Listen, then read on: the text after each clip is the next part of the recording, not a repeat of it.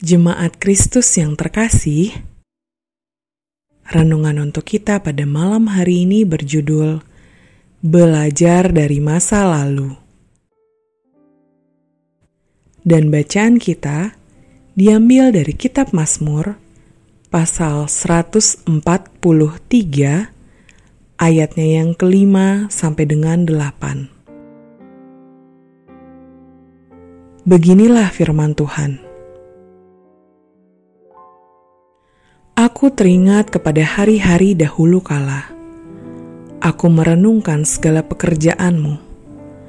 Aku memikirkan perbuatan tanganmu. Aku menadahkan tanganku kepadamu. Jiwaku haus kepadamu seperti tanah yang tandus. Jawablah aku dengan segera ya Tuhan, sudah habis semangatku Jangan sembunyikan wajahmu terhadap aku, sehingga aku seperti mereka yang turun ke liang kubur.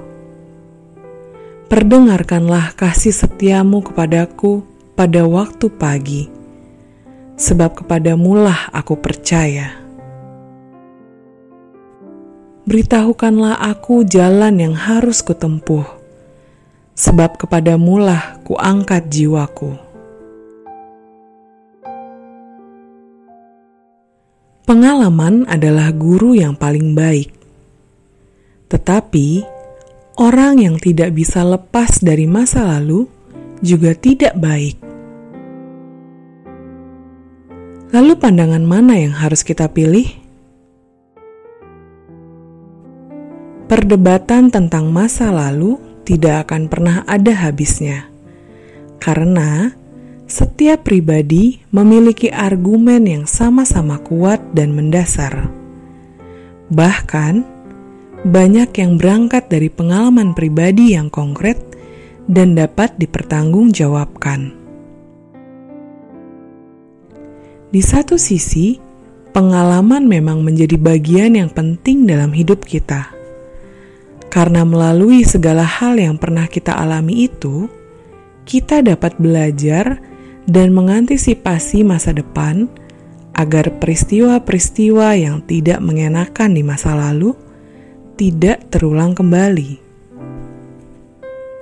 Tetapi bagi orang yang terbelenggu dalam pengalaman masa lalu dan tidak berhasil move on, dapat mengakibatkan ia tidak mampu melihat masa depan yang baik yang sudah dipersiapkan Allah. Sungguh sayang bila seseorang mengalami hal tersebut dan melepaskan kesempatan menikmati hidup dalam penyertaan dan pertolongan Tuhan. Lalu, bagaimana sikap yang benar dalam melihat masa lalu, bahkan yang paling buruk dan traumatis? Kita perlu belajar melalui bacaan kita bahwa masa lalu harus dilihat sebagai sesuatu yang bisa direfleksikan dan diambil maknanya, bukan fokus pada detail peristiwanya. Sembari terus memohon kepada Allah agar Ia mencurahkan berkat dan memampukan kita untuk melangkah dengan memakai pengalaman masa lalu sebagai bekal kehidupan. Dengan demikian, kita akan menjadi pribadi yang bijaksana dan tidak gerusa-gerusu dalam mengambil setiap keputusan. Mari lihat pengalaman masa lalu sebagai bagian yang tetap melekat pada diri kita. Terimalah masa lalu sebagai kekuatan, bukan malah mengekang dan melemahkan kita. Demikianlah renungan pada malam hari ini. Semoga damai sejahtera dari Tuhan Yesus Kristus tetap memenuhi hati dan pikiran kita. Amin.